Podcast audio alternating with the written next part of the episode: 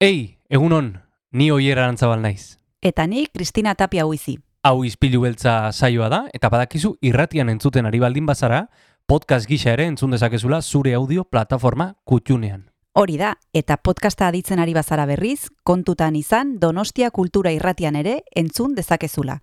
FM eundazazpi puntu lau frekuentzian. Sare sozialetan ere topatuko gaituzu noski, izpilu beltza bilatuta, Instagram, Facebook eta Twitterren. Besterik gabe, guazen gaurko saioarekin. Az gaitezen,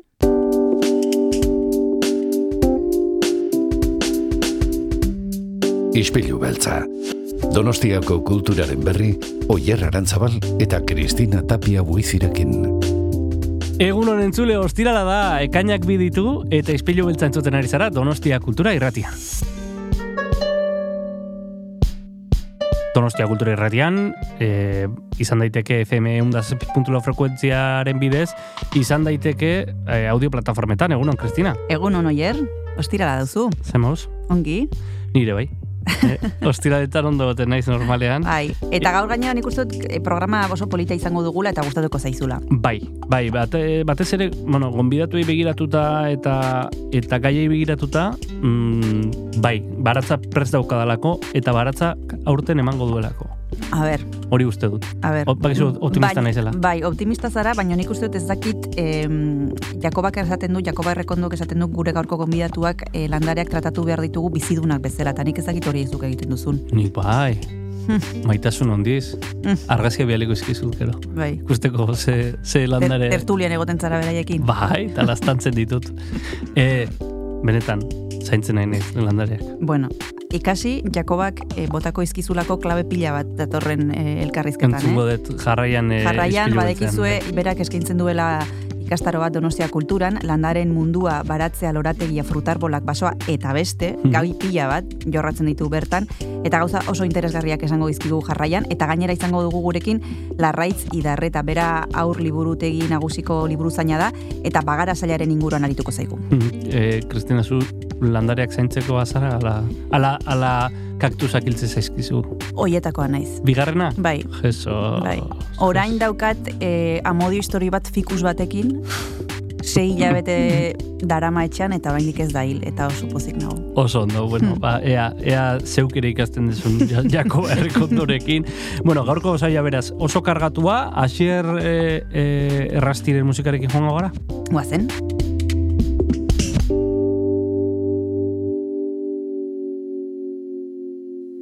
Kaixo entzule, ongi etorri izpilu beltza irratsaiora, badakizue gaur ostirala dela eta asteburua ate joka dugun honetan, ba gaurko saioa ere musikaz abiatuko dugula eta horretarako bulk taldearen kanta eder eta animatu bat aukeratu dugu. Zuekin, amar lagun baten kontra.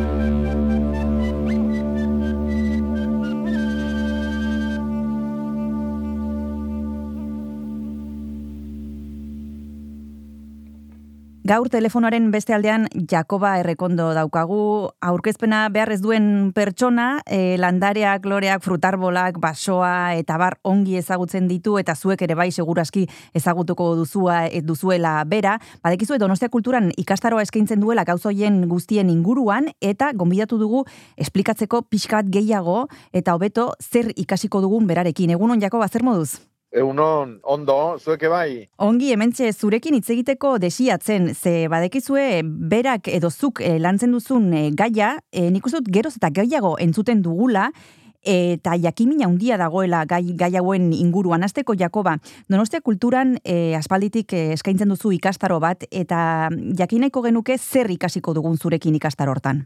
Bueno, nik e, nire helburu garrantzitsuena da landarei beste erabatea begiratzen ikastea. Uh Hau da, landariak badirela nor, e, nola bizi diran, eta bueno, horrek gero lagunduko digu landare hoiekin, ba, harreman hobe bat izaten, eta horren ondorioz, ba, baratza balima dugu adibidez, ba, baratze hortan usta hobeak e, izaten, e, e, lorategi bat balima daukagu ba, ederragoa izaten, frutarbolekin fruta gehiago izaten, eta bar, eta bar.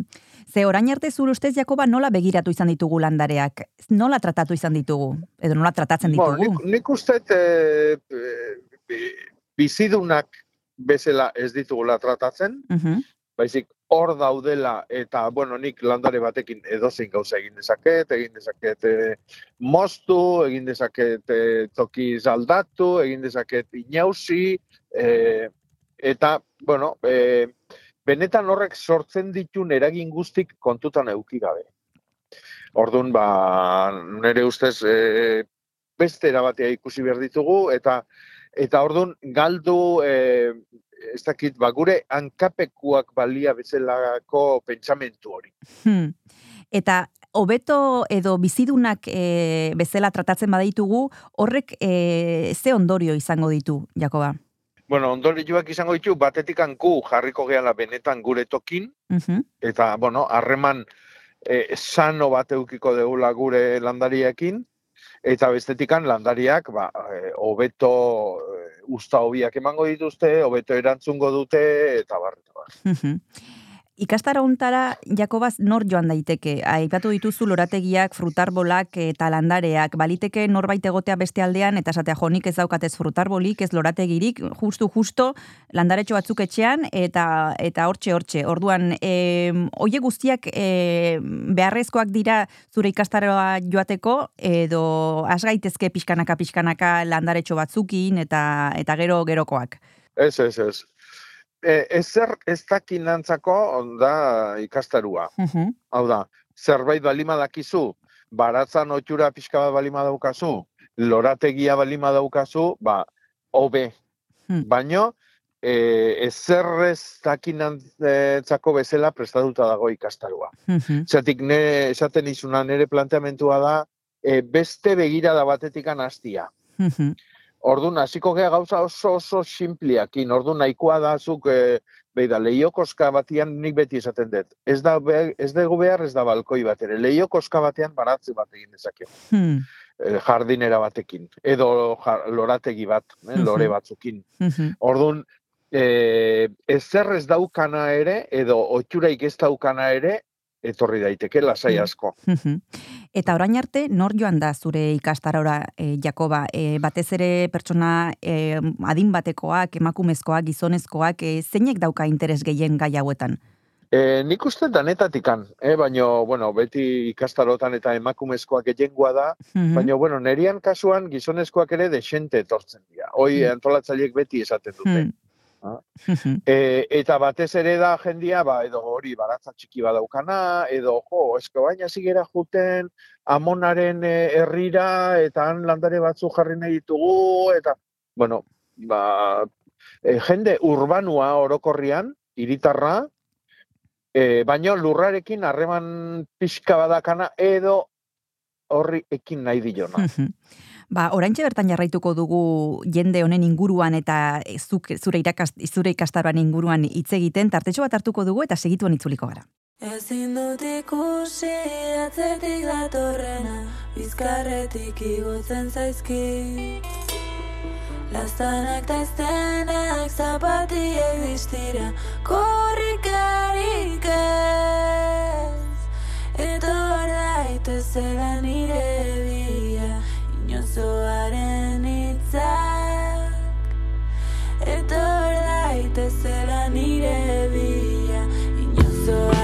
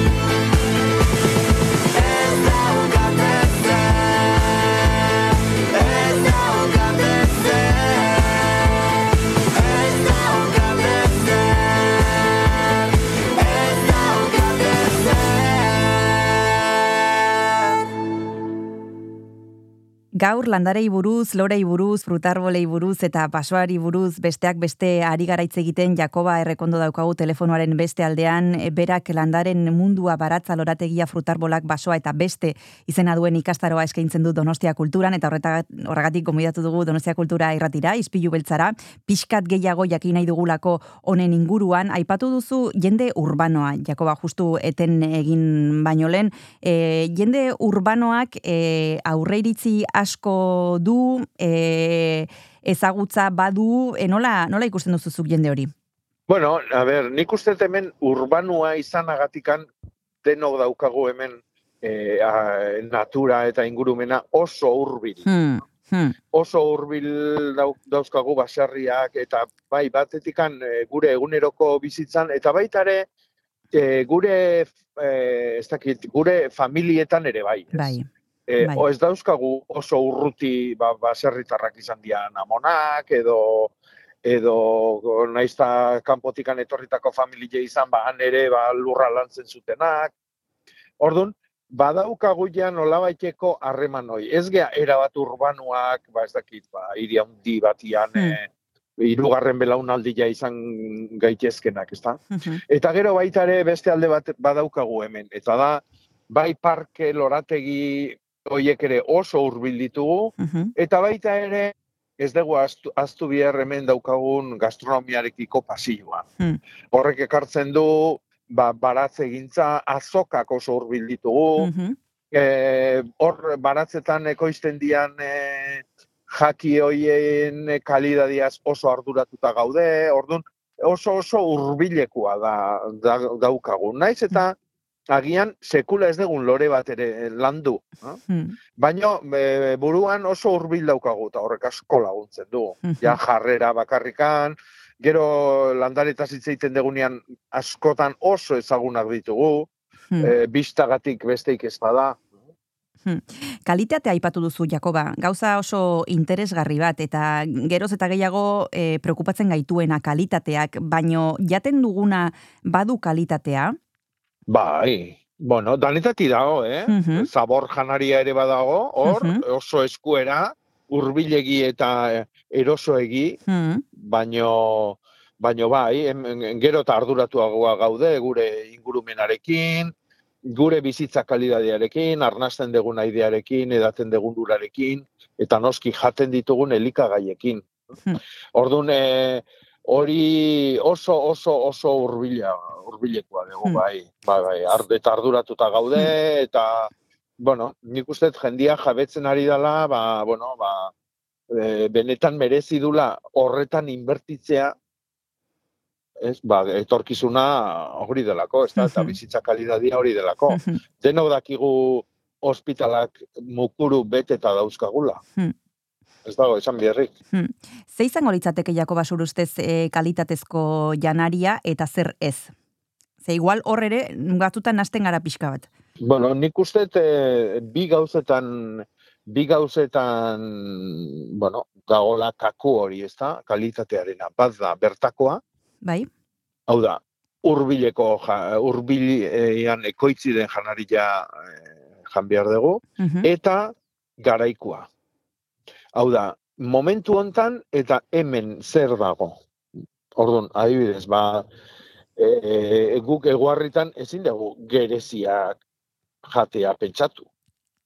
Baino badaude. Zatikan, ba, izango dialako, bai, badaude, hori da, baina izango dira Argentinakoak edo Txilekoak edo, no? Orduan, ba, pentsatu berdezuna da, hori bildu nola egin duten, nola garraiatu duten, nola deondan almazen batian, abioi batian etorri da, beste almazen batea etorri da, beste kamioi batea, eta orduan horrek e, batetik irauteko zer e, etzaion egin horri, pentsatu, Bai, eta bestetik handa ba, zer ez du neukiko, ez da? bai. Orduan, garaikoa, sasoikoa eta bertakoa, hori da klabia. Hmm. Bi klabe horiek dira oso importantiak. Urbileko nekazarik ekoitzi dutena, eta sasoi bakoitzian ekoizten dena, Hmm. hori da. Norbaitek esango dizu, baina hori garestia da. Eta zer da garestia? Hori ere relatiboa da kontzeptu hori, ez? E, beida, garestia da daukasun kotxia, garestia da erabiltzen dezun erropa, garestia da e, oporretara ez daki noa jutia. Hmm. Hori da garestia. Eta gogoan izan, gure e, oain dala berrogeita hamar urte, gure gurasuek bere soldataren euneko irurogeita zazpila gastatzen zutela janaria erosten. Eta gaur ez dugu gastatzen ez da euneko amabosta ere. Hmm. Orduan, kontuz. Eta lehen esan ditena, batez ere, ospitalea juna ez badezu, azkar. Batzuetan zaila da, ze esan bezala supermerkatuetan e, bistan ditugu gauza oso erakargarriak ez direnak garaikoak, adibidez zuk aipatu duzu gereziak egu berritan adibidez, eta bestein beste gauza ere bai. Eta hori saiestea batzutan zaila da, ze begietatik sartzen zaizkigu gauzak, ez? Bai, baina, bueno, hori da otxurak eta kultura. Hmm. Bada, gauza batzu badakigu oso txarrak dirala. Badakigu ez dakit, eh? baina adibide bezala jartzeko koinak botella bat edatia badakigu txarra dala. Hmm. Hmm. Orduan, bueno, ba, gauza horiek ere ikasi egin behar dira. Mhm. Horregatik ga- oso garrantzitsua da gai hauek, bueno, zuk lehena itxatu ezuneran, ba, gero eta gehiago, eh, gehiago daude gure eguneroko tosan- eguneroko kotasunean, baino nik uste dut e, ikeragarrizko urratsa eman beharra dakaula eskoletan. Hmm. Hmm. Ikastetxetan, baratzak izan behar du ardatzet nagusietako bat, eta baratza izan beharko luke. Ni beti esaten dut, e, eskola perfektua izango litzatekela baratze handi bat. Eta horren barruan, ba, negutegi bat, eta negutegi jortan, ba, bueno, ba, eskolak emango liake, baina adibidez, euskera lantzeko baratza, inglesa lantzeko baratza, matematikaz, esanik ez. Geografia, e, biologia, bueno, hizkuntza nahi dugun guztia. Orduan, hori, salto hori eman biharko genduke. Eta hori eman ezkeo, porque gaur sortzi urte dazkan aur batek hemendikan amabi urtea, hau da, bilar bertan, hogei urte izango ditu. Bai. Eta ja bere elikadurari buruzko erabakik hartzen hasi beharko du. Orduan, oso denbora tarte txikin, ikaragarrizko urratxe emango genduke. Honen inguruan jarraituko dugu segituan hitz egiten Jakoba Errekondo aprobetxatuko dugu daukagula telefonoaren beste aldean, bigarren eta azken tartetxo hartuko dugu eta segituan itzuliko gara.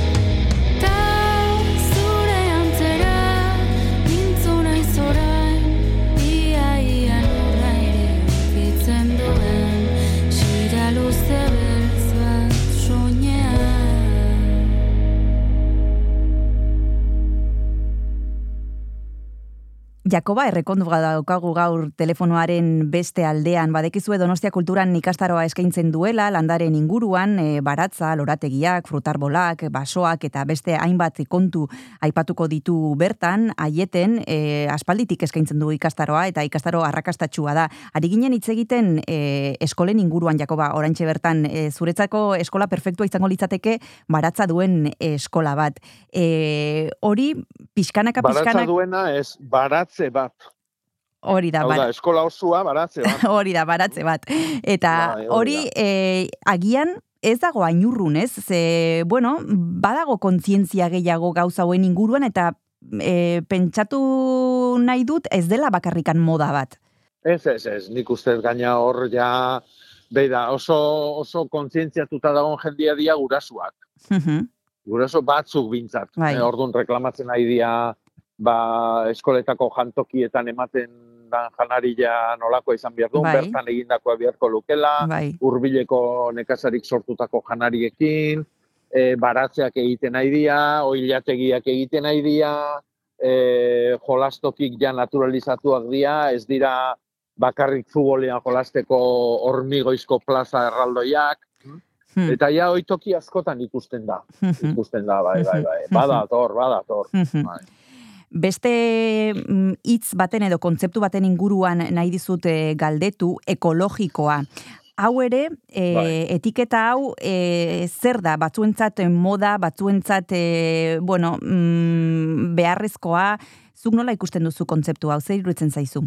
Bueno, nire ustez ekologikoa da urrats bat, e, gaur egun ja e, agroekologikoa hitz egiten dugu, Mhm, biodinamikoa hitz egiten da, orduan, bueno, pixkanaka urratsak ematen hasi beharra dago, eta nola batxe lotu beharra dago, e, bueno, ba, jendeari erakutsi bertzaio, e, bueno, ba, kalitatezko produktuak eskuratzeko errestasunak eman bertzazkio. Orduan, horrek, e, zigilu horrek erakusten du, gutxienez, oinarrizko gauza batzuk errespetatuz ekoitzi dala produktu hori. mhm. Orduan, bueno, nik, nik hortan utziko nuke. Gero eta produktore gehiago dago, adibidez Nafarroan izugarria da e, ekologikoakin gertatzen ari dana, noski, ba, jendeak gero eta gehiago eskatzen du lako. Ja. Eta eskatzen du kalidadia, noski. Mhm. Eta azken aldi hontan ere entzuten ari gara asko e, e, lehorteari buruz, e, klima aldaketari buruz, horrek guztiak ere eragina dauka e, gure ingurunean, e, nola izango da, nola izango dira e, gure baratzakera eta gure fruituak? Nafarroa aipatu duzu, hainbat lekutan ezin dituzte gauzak erein, e, bueno, hor aldaketak et, e, datoz, eta, edo datoz, edo daudeia, e, nola izango dira datozen urteak? Bueno, ba, nik uste inork ez dakila hori, baina pentsatu behar deguna da aldaketa horiek be, betikuak izan diala. Mhm. Osea, ez, da, ez dago ezer betikua, eta betikua dan bakarra da aldaketa. Hmm. Orduan, e, egokitu beharko gea, baita nekazaritzan ere, baina e, arlo guztitan, eh? egokitu beharko gea, etxea, etxeetan ur gutxiago kontsumitzea, energia gutxiago gastatzera, eta bar, eta bar, eta bar. Baina nekazaritzan, bai, nekazaritza da lehenengoa eta zuzenian eragina duna klima aldaketak batez ere. Mhm. Orduan hor, ba, e, berua erresago eramaten duten barietatiak e, landu beharko dira, toki batzutan agian beti pentsatu deun e, ekoizpenen bat utzi egin beharko da, ba, ezinezkoa dalako, e, ureztak eta sistemak birplanteatu egin beharko dira, Zatik, bueno, ekosistemak ikaragarri eraldatzen dituzte, bai ura kentzen duten tokietan, eta bai ura ematen duten tokietan, eta bar, eta bar, hor, e, panorama oso interesgarria sortzen nahi da, bai.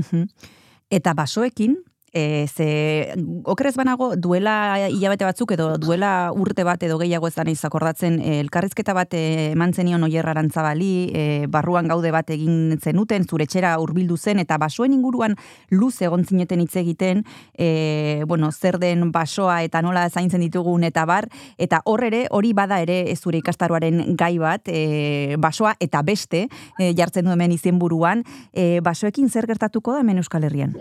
Bueno, basuekin e, ikusten ari gera, ba, ikaragarrizko aldaketa burutzen ari dela, eta hau hemen ere panorama oso interesgarria da. Eh? Baso oso oso kalidade bajuko baso, basua eukitzea pasaginan, azkeneko mendian, Hmm.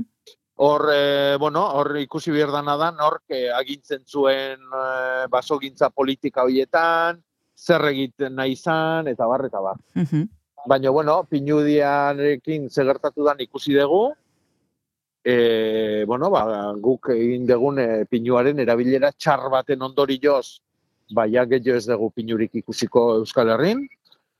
E, oain e, batzuk eukaliptua sartzen hasi dira, baino jabetu da jendia nola eukaliptuak ez daukan etorkizunik baita ere. Eta hor, ba, oain izugarrizko ba, eztabaida eta gogoeta dago, eta oso interesantia da. Eta Hmm. noski hor garbi dagoena da, baso naturalizatuetara jo beharra daukagula, beste ustiapen klase batzutara, epe luzeago batutan pentsatzen, e, baso naturalagoak, bertako lurrera eta bertako klimara egokituta daudenak, eta bar, eta bar.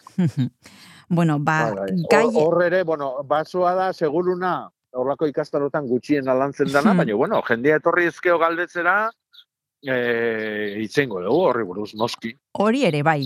Bueno, eske, e, ikastaroa askorako ematen du, ez? E, bueno, e, Bai. hainbat gai e, sartu dituzue hor, e, denetarako seguruenik ez du emango denbora, baina norbaitek nahiko balu eta norbaitek galdetuko balu, erantzunak ere bai, emango ditu Jakoba errekondo noski baietz basoaren inguruan. Eskerrik asko beste behin izpilu beltzara hurbiltzeagatik, Donostia kultura irratia, eta bezarka da bat urrengor arte.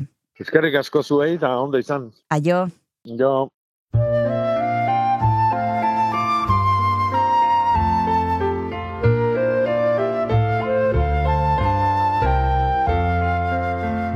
Hau da egun ederra, mila xoriek kanata, zauri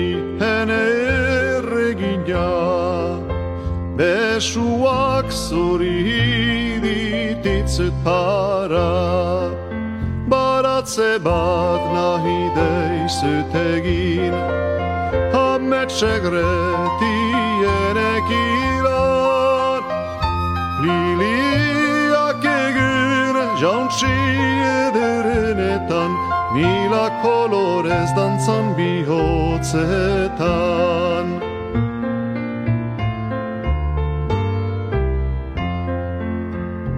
Gai beltz ta sakonetik Elkitzen zuhozturik Bihotza hain tristerik Zyta zainen berantetxiturik Baratze bat nahi deizut egin Ametsegretienek ilan Liliak egur jauntsi ederenetan Mila kolorez dantzan bihotzetan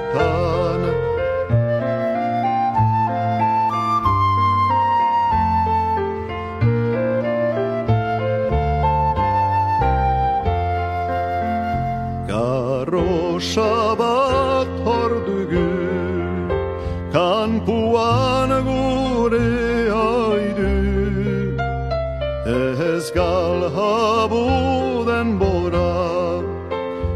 Iskor beitago hamodiua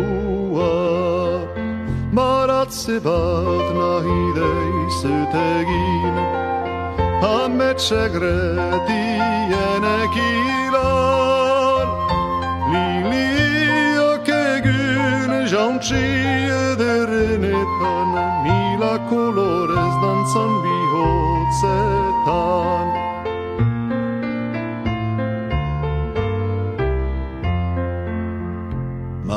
Maitarzun berriari Ilargiak du argi.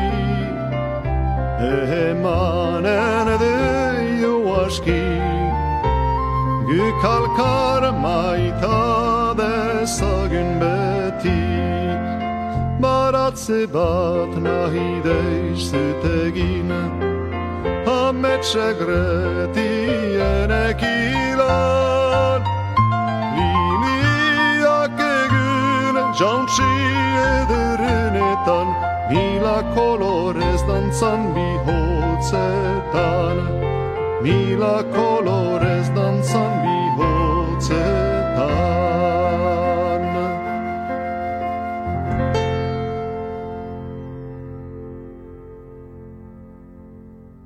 Ostirala da gaur entzule, badekizue ostiraletan liburutegitara joaten garela, bertan e, liburuzainak zain ditugulako eta liburuak gomendatzen ditugulako. Gaurkoan, aur liburutegi nagusira joango gara, bertan baitago larraitz idarreta, eta gaur e, bagara sailaren inguruan arituko da, artearen inguruan arituko gara berarekin. Egunon larraitz, zer modu zaude?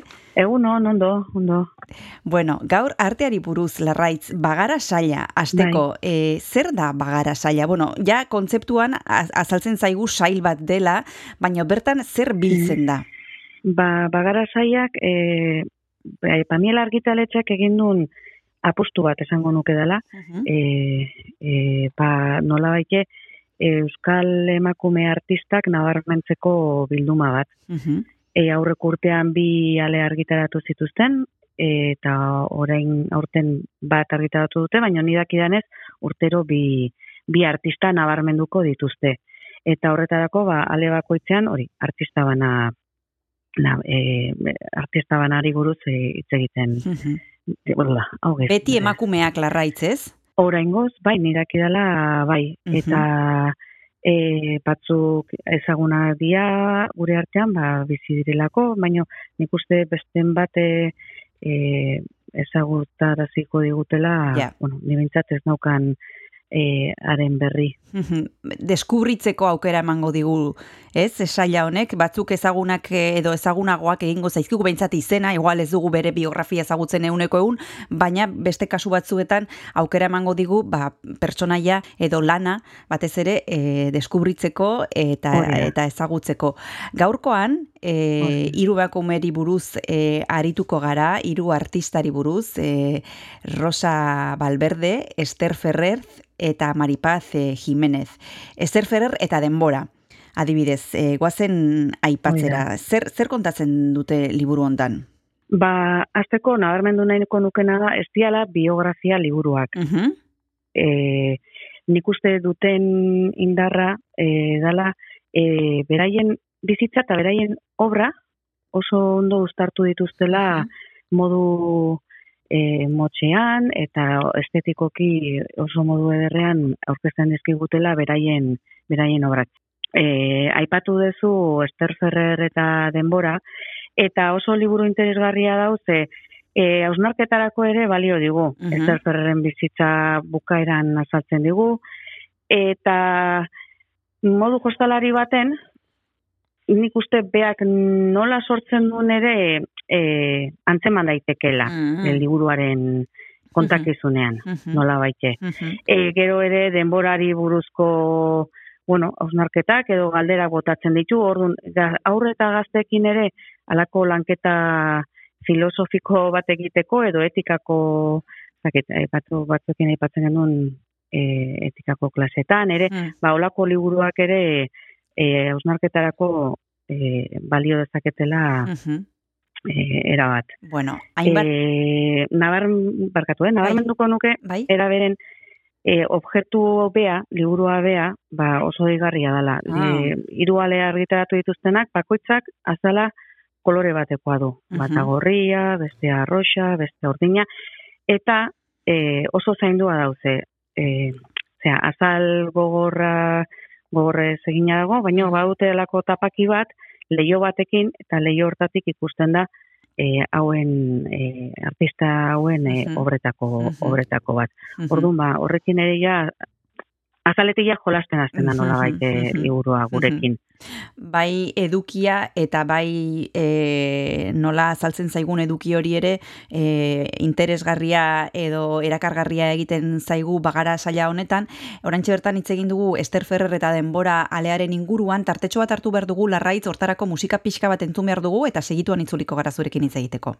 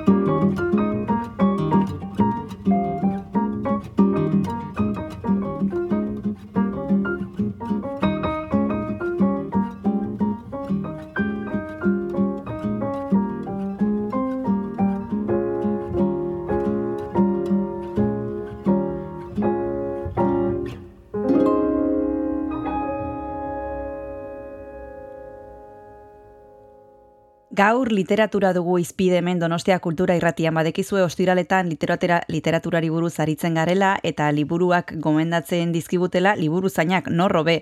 Gaurkoan telefonoaren beste aldean Larraitz Idarreta daurkagu. Aur liburutegi nagusiko e, langilea da bera eta berak ekarri du gaur bagara saia Pamielak argitaratzen duen e, saia justorantxe bertan ari ginen aipatzen Ester Ferrer eta denbora alea eta e, Larraitzek aipatu digu nola ere e, bueno, liburua bera ere bada e, zerbait e, polita eta eta erakargarria. E, nor dira e, idazleak? E, Bako, aila bakoitzak e, dauka idazle bat, beti da pertsona edo pertsona berdinak e, e, idazten dutenak? Ez, ez, eta esango nuke hori ere e, aberazten dula bilduma. Mm. E, alde, Ester Ferreren aldea, intzane usan ditaga idazlea, eta Aran Santa Maria ilustratzailea, Mhm. e, Rosa Valberderenean Maialen Lujambio da idazlea, eta Arrate Rodríguez ilustratzailea, eta Izpari Gutunarenean Elena Olabe idazlea, eta Irrimarra e, zera, ilustratzaileak. Mhm. Orduan, horrek ere, bai, testu aldetik, di, irurak dira oso diferenteak, e, egiten duten planteamendu estetiko eta narratiboa guztiz diferentea dira. Mm. E, adibidez, aizpari gutuna denean, eskutitz bada, e, maripazek, bere aizpari bialtzen diona, eta hor ba, e, kontakizunean, ba, eguneroko tasuneko hainbat gauza kontatzen dizkio, oso modu poetikoan, eta hor bitartean, ba, e, bere, bere ilustrazioak edo e, izan zitezkenak, e, bueno, ba, antzematen, antzematen dira, ez dira bereak, irrimarrak marraztu dituelako, baina estetika hori oso ondo representatzen dutela iruditzen zait.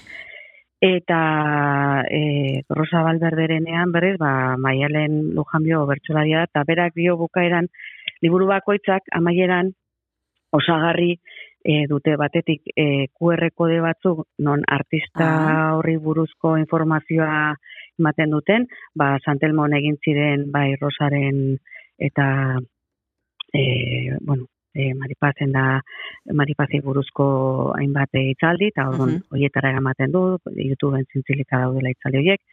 Eta idazle eta ilustratzaileen ere, hola, soslai motx bat, ez? Eta maialenek e, alako hemen esategu, ba, hitzak deskomposatzen ditu, silabatan eta gero izkitan eta ongi ateratzen ez. Bueno, ba, hori, modu kostelarian, ba, hemen ere, liburuan ere, hori hori egiten duela esango Mhm. nuke. Mhm. Da hori, oso proposamen estetiko diferentea dira hiruako eta bakoitzak eh, bai, bai. Aizpari gutuna aipatu behar dugu Maripaz Jimenezen inguruan dela, aipatu dugu Ester Ferrer eta denbora, Ester Ferrerren inguruan, Aizpari gutuna. Maripaz Jimenez eta gero hirugarrena Rosa Balberdenen inguruan. Esan dezakegu idazle bakoitzak e, hartu duela gaia eta gero emaitzak guztiz diferentea dela, bai, mm, bueno, bere, bere perspektibatik pasa duelako e, bueno, kasu hontan hiru artista hauen e, bizitza, ez? Eta orduan adibidez batean gutuna bat daukagu, beste batean beste modura idatzita dago eta orduan ez dute e, estruktura edo formatu berdina errespetatzen e, e, hiru liburuek. Ez, ez, fizikoki liburuak bilduma batekoa direla eta e, antzematen dira, baina gero eduki aldetik, ba, ba Ester Ferrenak ari batekin jolasten Mm. du testuan zehar. Eta e, Rosa Balberderenak berriz, nola, beak kutsak sortzen ditun, balde bi horri aldeko, zera, e, bakatu, eh? Berri esango dut. E, Rosa Balberdek, kutsak nola egiten dutu, liburu bean ere irudikatu dute, batetik e, narrazioa e, sormenari buruz, eta bestetik kutsa bat nola, nola egiten ari den. Oso zaila egiten zait azaltzea. Ikusi egin behar da, E, ezta? Ikustekoa dira, eta irakurtzekoa. Pentsatzen dut bai, ere bai, bai, eta, eta bueltak ematekoa gaina. Ez da behin irakurrita itzul zaitezke eta aldi bakoitzean ikuste zerbait berria topatu e, liburu bakoitzean. e, horren arabera, kontatu duzunaren arabera larraitz ere, pentsatzen dut ilustrazioak bakoitzak e, bere idazlearekin lotutako proposamenak egiten dituela, ez? E, liburu bakoitzak modu mm, diferentean eskaintzen ditu e, marrazkiak, ez? Oso, oso, oso, oso diferente.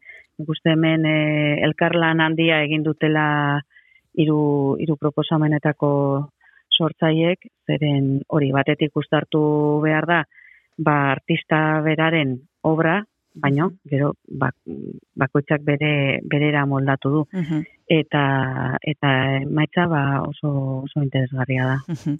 Segituan itzuliko gara emaitza honen inguruan hitz egiten, elkarrizketaren azken txampan sartuko gara, bigarren abesti bat entzun behar dugu, eta oraintxe bertan itzuliko gara larraitzi darretarekin hitz egiteko.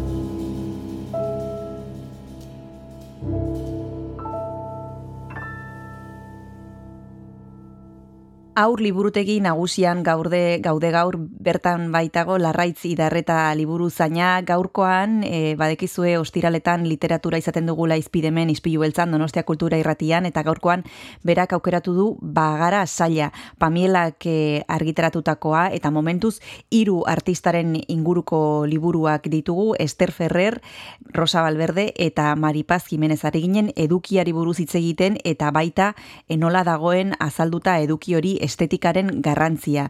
Zeinentzat da e, libur, e, zeinentzat dira liburu hauek larraitz, hain lehen aipatu duzu em- emango lukela hausnarketarako, gaztetxoekin e, ideia batzuk eta gauza batzuk lantzeko, e, lenguaia, hiru kasutan e, zaila egingo zaizu, e, egingo zaigu, behin eta berriz irakurritako irakurri beharreko esaldiak aurkituko ditugu, edo, al, edo, a, kon, edo erresa egingo zaigu, edo kasu bakoitza diferentea da, nola dago idatzita, e, nola daude idatzita? bakoitzean, bai, kaso bakoitzean diferente daude idatzita. Mm. Bain, e, lenguaia e, erresa da, Mhm. baina badute mamia, eta ordun bilduma argitaletxetik pentsatu dute zortzi urtetik gorakoentzako. Mhm. Guain, nik uste hola mamia ateratzeko e, baia ga- gaztea eta bizipen batzuk igual ba izan behar dituzula. Mhm. E, ala ere, bueno, taldean irakurtzeko oso aproposa izan daiteke, ze, hori, ba, ba, gauza ezberdinak iradoki diezalakelako bakoitzari eta elkarbanatzeko. Mhm. E, baina, bueno, ez, da, ez dute alako, ez dira zaiak, Mhm. bete- liburu erresagia irakurtzeko. Aldez aurretik komeniko litzateke zerbait jakitea artista bakoitzaren inguruan, edo ez baditugu ezagutzen, e, bueno, e, urbilketa erresa e, izango dugu. E, nik uste bieratara e, landu e, irakurri daitekela liburua. Ba, zezagutzatik eta ze, gero bukaeran ematen dizun informazioarekin da, sakontzeko aukera ematen dizu, edo bestela, e, zerbait baldin badakizu, ba, e, aztertu ze proposamen estetiko egin duten eta narratibo ba, bere obra ezagutzera emateko. Mhm. Bietara, bietara balio du lan. Mhm. Bueno, ba, hause gaurko gure proposamena, bueno, gurea ez, larraitzi darretarena, bere gomendioa, bagara saia, Pamiela Bai. argitalatxeak e, kaleratu dituen momentuz hiru liburuak, e, bata Esther Ferreren ingurukoa, e, Rosa Valverderen ingurukoa bigarrena, eta Marik Paz e, Jimenezi buruz, e, liburu denatan izango duzue, baita ere e, e, liburutegietan esan bezala, eskerrik asko larraitzi darreta beste behin hurbiltzeagatik Donostia Kultura Zuei. Eta Aukera zure zain egongo gara, e, ea zein den e, urrengo gomendioa, urrengo proposamena oso interesgarriak hemen zerrenda pa- a- denak apuntatzen ditugu eta pixkanak baka pixkanak egiten gara liburutegietara hartzera, beraz mila esker esan bezala, eta egun izan ezazun. Zuei, ala arte. Agur. Agur.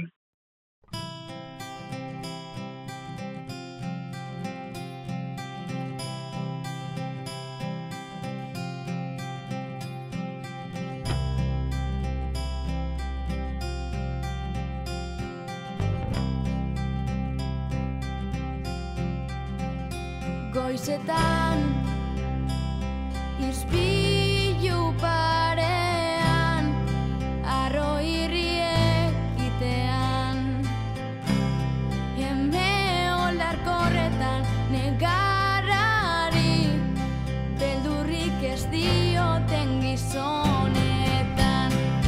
Karminezko espainetan Txiste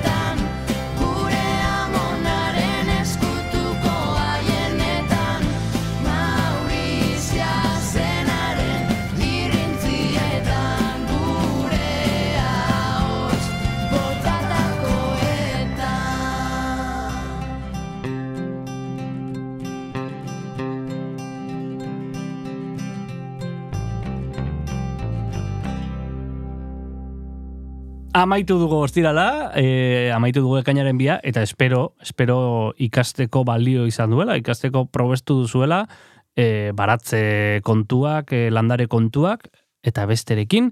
Eta gu agurtuko gara, esanaz, e, astelenean gauza interesgarri mordoa karriko dugula baita. Gauza interesgarri mordoa, eta beti bezala Mikel Iturri etorriko zaigu astelenean agenda repasatzeko, gomidatzen dugu astelenero txintxo-txintxo, eta bitartean, asteburuan. Bitartean zaindu zeu eta zure ingurukoak. Agur.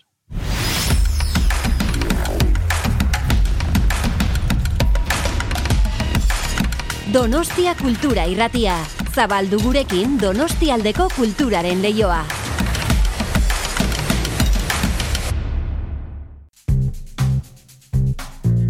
Kanta katilua. Kaixo entzule, iritsi da musika ispilu beltze irratsaiora, iritsi da kantakatilua, eta badakizue, ostirala izanik eta asteburua ate joka dugun honetan, eh, gaurkoan, ba, kantuak entzun, entzungo ditugula, baina horiek ez ditugula guk aukeratuko, izan ere, hemen ostiraletan, e, bueno, ba, selektore, DJ eta bildumagileak izaten ditugu protagonista, eta gaurkoan ere, alako bat izango dugu, Mr. Cold Sweet izena du Amerikarrak, eta gaurkoan bere hogeita zazpigarren analog sesionean, viniloen bitartez, jazz, soul eta funk generoetan munduan barrena bidaiatuko dugu berarekin.